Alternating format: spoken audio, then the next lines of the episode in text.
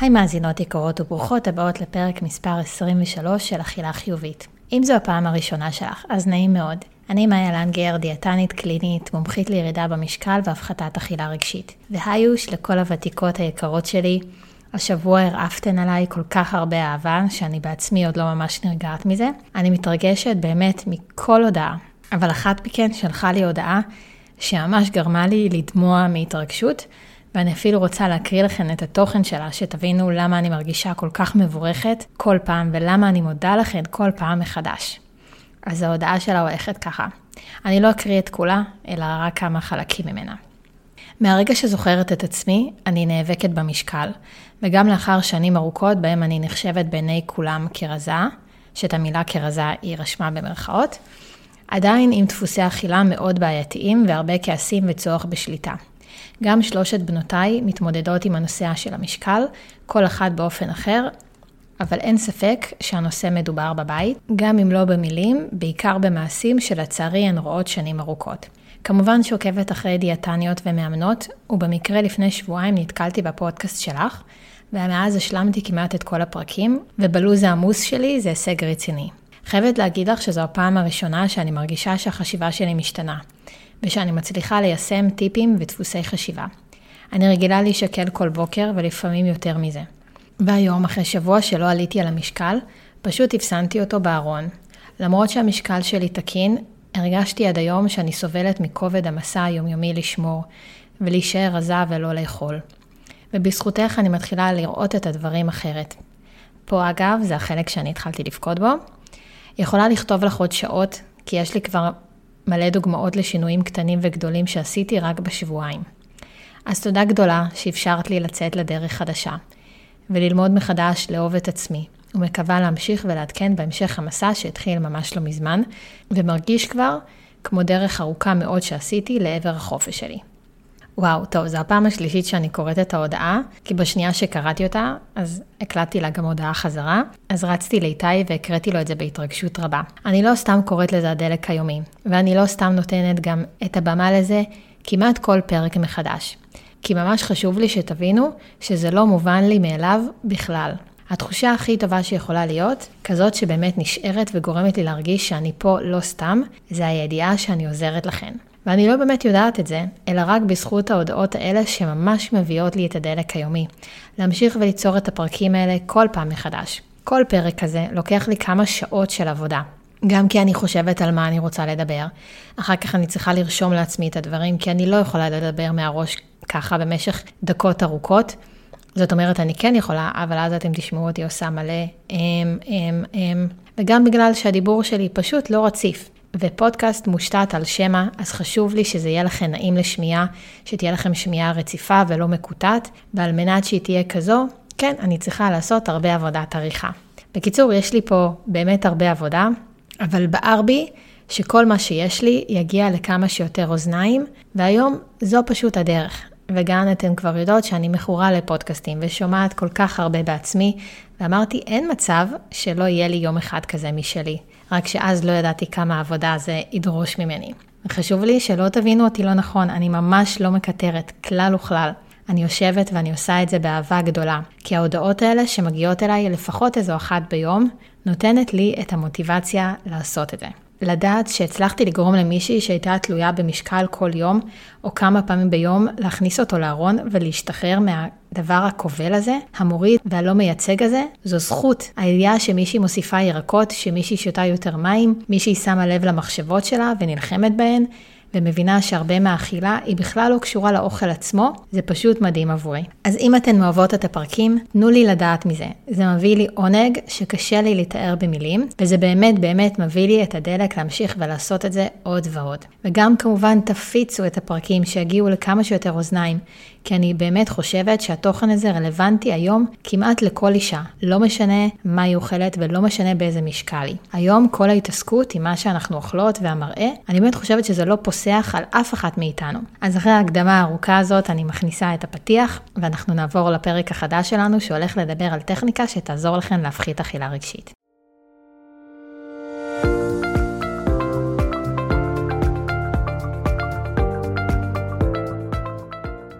אכילה חיובית היא תוכנית שנועדה לדבר על תזונה בריאה, אכילה, רגשות, וכל מה שביניהם. אני יודעת שיש בה חלק שרוצה לאכול בריא יותר, ובצורה שקשובה באמת לצרכים של גופך. אבל אולי הלכת קצת לאיבוד, מרוב הצפת המידע והאפשרויות. אז באתי לעשות סדר. אני מאמינה שכדי לאכול בצורה בריאה ולהרגיש טוב ולראות כמו שאנחנו רוצות, אנחנו ממש לא צריכות לסבול, ולמנוע מעצמנו מאכלים שאנחנו אוהבות, או לעשות דברים שאנחנו לא נהנות לעשות, אלא פשוט להתחיל להתבונן פנימה, ולהבין מה מניע אותנו להתנהג בצורה שמנוגדת למה שאנחנו מייחלות לו. בתוכנית הזו, בכל פרק מחדש, אני אשלב בין תודעה לפרקטיקה, ובכך נכניס למסע הזה הרבה יותר בהירות, רוגע ותוצאות בפועל. זכרי, מגיע לך ליהנות מהגוף שלך, לשם כך הוא נועד. בואי נתחיל.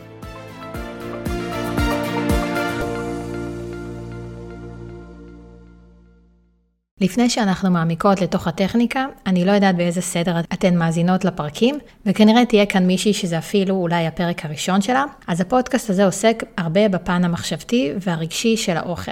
והאהבה הגדולה שלי היא לעבוד עם אכילה רגשית, ולא סתם כנראה, כי לפני שרציתי להיות דיאטנית, הייתי בטוחה שאני אהיה פסיכולוגית. ומי שמעניין אותה איך הגעתי להיות בכלל דיאטנית, יכולה לשמוע את הפרק הראשון, ששם אני מספרת את הסיפור המלא שלי. את התואר השני שלי הלכתי לעשות בהפרעות אכילה, למרות שאני לא עובדת היום כבר בכלל עם התחום הזה, אבל מה שמשך אותי ללימודים האלה זה החלק הרגשי והמחשבתי. והפרעות אכילה נמצאות בתוך ה-DSM, שזה בעצם ספר האבחנות הפסיכיאטרי, ואולי נדמה שהפרעות אכילה הן עניין תזונתי, אבל המחלות ההארדקור האמיתיות, הבסיס שלהן הוא בכלל לא תזונתי, אלא רגשי ונפשי לגמרי.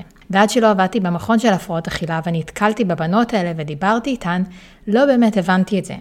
אבל האכילה הרגשית היא איפשהו על אותה סקאלה. אכילה רגשית אולי נתפסת כמו בעיה תזונתית, בעיה שאפשר לפתור אותה על ידי תפריט, על ידי הוצאה של מאכלים מסוימים מהבית, על ידי הימנעות כזאת או אחרת, אבל אם ניסית עד היום לעבוד ולטפל בבעיה הזאת דרך אכילה, כמו תפריט או שיטות כאלה ואחרות, לא סתם זה לא החזיק מים, ולא סתם זה לא עבד לך, או לפחות לא עבד לאורך זמן. כי אכילה רגשית דורשת עבודה רגשית.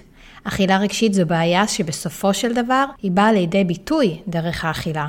אבל היא בקלות גם יכלה לבוא לידי ביטוי בצורות אחרות, כמו קניות, כמו עישון, כמו לקיחת סמים, אלכוהול, כאלה. פשוט הכי זמין לנו, חוקי ונוח במידה מסוימת, זה האוכל, ולכן רובנו פונות אליו, אבל הוא רק תוצאה סופית והוא לא שורש הבעיה.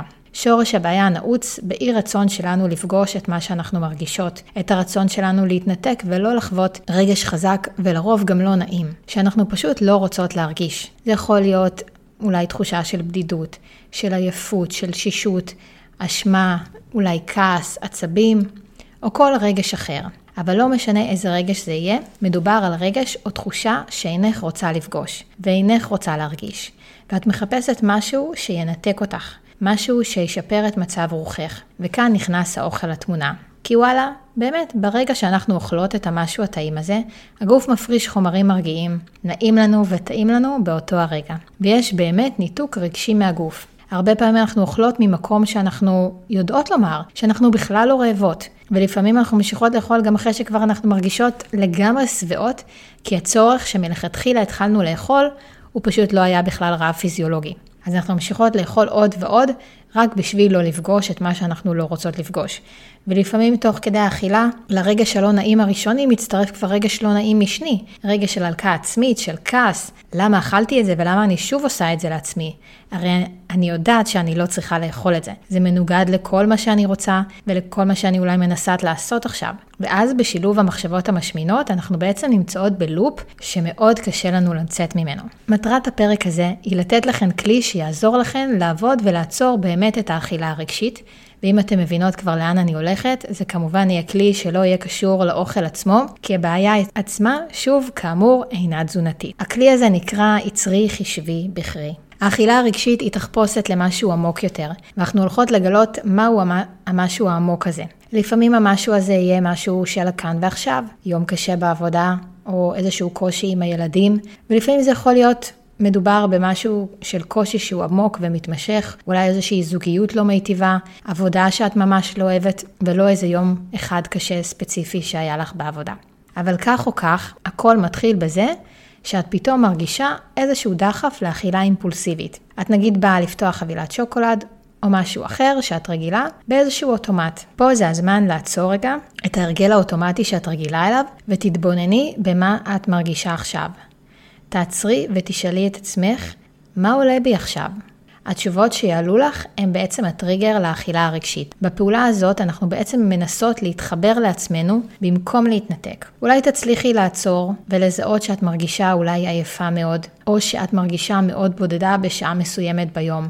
למשל מישהי יקרה שהייתה בליווי שלי וגם מאזינה לפרקים, היא מבוגרת והיא שמה לב שבשעות אחר הצהריים תמיד היא הולכת לאכול משהו. וכשדיברנו בפגישה, הבנו שמה שהיא מרגישה בשעות האלה זו בדידות, ולכן היא פונה שם לאכילה. היא גרה לבד, ובבוקר או בשעות המוקדמות יש יותר פעילות, וגם היא נמצאת עם הנכדים שלה, אבל בשעות הערב היא נמצאת לבד. ואז אחרי שזיהינו מה קורה שם, מה הצורך האמיתי שלה, אפשר להתחיל לעבוד עם זה ולבחור במשהו אחר. שייתן מענה אמיתי על הבדידות, במקרה שלה. היא ניסתה לתת לזה מענה דרך עוגיות ועוגות שהייתה קונה, ולא סתם זה לא היה באמת עוזר, כי אף אוכל באמת לא יכול לענות על הצרכים הרגשיים שלנו. אז אחרי שאת עוצרת, ואת שואלת את עצמך, מה אני מרגישה עכשיו? אחרי שזיהית, את פתאום יהיה לך משהו שאת תוכלי לאחוז בו, ותוכלי להתחיל ולפרום את הדבר הזה. אז אחרי שעצרת וזיהית מה את מרגישה, עכשיו את יכולה לחשוב איזה אפשרויות עומדות בפנייך, ואני אציג פה כמה שאני מצאתי שעוזרות לי ולנשים שאני מלווה.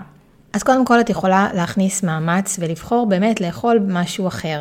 אולי את בכלל צריכה לבכות. אני מוצאת שאותי בכי מאוד מאוד מרגיע ומביא לי לתחושת הקלה, וזו תופעה ידועה ומוכרת, כי בזמן הבכי ממש הגוף שלנו מפריש חומרים שמקלים לנו על הסבל. הבכי למעשה גם יוצר איזושהי הרגעה פרסימפטית לרגשות עוצמתיים. הדבר הזה גם קשור לחומר שנמצא בעצמו בתוך הדמעות בריכוז מאוד מאוד גבוה, וככה הוא גם יוצא מתוך הגוף שלנו. וגם, המוח שלנו בעצמו מפריש כתוצאה מזה שאנחנו בוכות, כל מיני חומרים שעוזרים לנו לוויסות לחץ וסטרס, ובעצם בכך מפחיתים אותו. מה שעוד את יכולה לעשות אחרי שזיהית מה את מרגישה, אולי את יכולה להתקשר לחברה טובה או לשתף מישהו במה שאת מרגישה.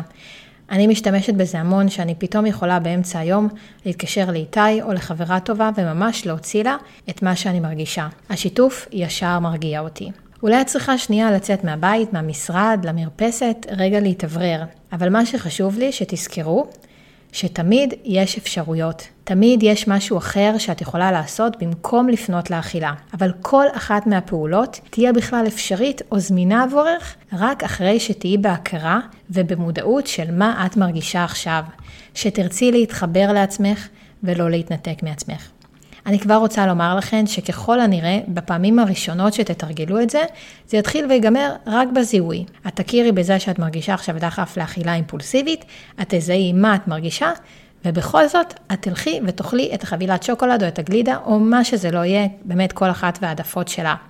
אבל אני רוצה לומר לכן, שאם כבר עצרתן וזיהיתן, אתן כבר נמצאות ברוב הדרך לריפוי. אין לנו מנוס ואנחנו מוכרחות להכניס הרבה חמלה ורקות, שזה בדיוק ההפך ממה שאכילה רגשית עושה. זוכרות? היא הרי מביאה איתה את ההלקאה העצמית, את הרגשות אשם ואת הביקורתיות. אז אני אומרת באמת, אם הגעת למצב שעצרת וזיהית, את במצב הרבה יותר טוב, גם אם משהו ברמה הטכנית של האכילה עדיין לא השתנה. זה שריר שאת צריכה להתאמן, זה שיח חדש שאת צריכה ללמוד אותו, וזה כמו ממש ללכת לחדר כושר לפנימיות שלך. אנחנו נתאמן בזה שוב ושוב ושוב, עד שבסוף זה יבוא בצורה אוטומטית. את בעצם רוצה להחליף אוטומט שכרגע מוריד אותך לאוטומט שמרים אותך ומזין אותך. אחרי שזיהית מה הצורך שלך, את יכולה גם להביא לו מענה מתאים. אני מרחיבה על זה גם בפרק 6, ואני גם אעשה פרקים נפרדים, שבהם אני אכנס ליותר הרחבה לכל אחת מהטכניקות שאני מציעה, וארחיב עליה לעומק. עד כאן להפעם. היום העמקנו עוד יותר בנושא של האכילה הרגשית.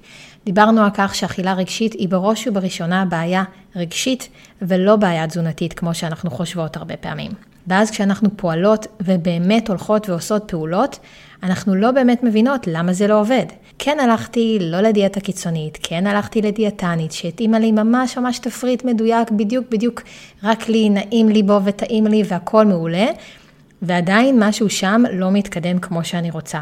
או אחרי שסיימתי את התהליך, שוב עליתי במשקל. ויכול להיות שזה קורה, שהעליות שלך מגיעות ממקום רגשי, ואם זה המקום, אז שום תפריט לא יעזור לך במקום הזה. אז אולי עכשיו תוכלי גם להביא חמלה והבנה לעצמך, איפה את צריכה לדייק את עצמך. דיברתי על כך שבשביל שנוכל לעבוד ולהפחית את האכילה הרגשית, אנחנו קודם כל צריכות להסכים ולפגוש את מה שאנחנו מרגישות, להתחבר לעצמנו ולא לחפש את הדרך להתנתק.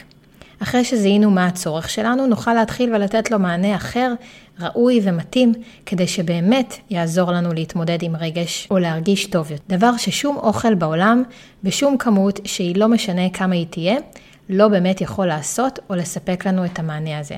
מה שכן הוא יכול לעשות, זה בהחלט להחמיר את המצב. ולכן מה שפעם הייתי קוראת לו אוכל מנחם, היום אני קוראת לו אוכל עוד יותר מבאס. כי יש הבדל אם אני אוכלת את השוקולד הזה ממקום של רוגע, לבין מקום של לחץ ועצבים או עצבנות, או כל רגש אחר.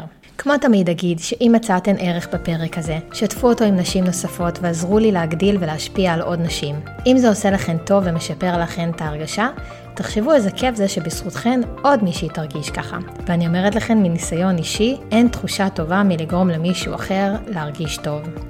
לעוד תוכן שלי בנושא הפחתת אכילה רגשית וירידה במשקל תוכלו למצוא בעיקר בעמוד האינסטגרם שלי, positive eating by מאיה לנגר, הכל עם קו תחתון מפריד בין המילים. ואנחנו נשתמע בפרק הבא. ביי!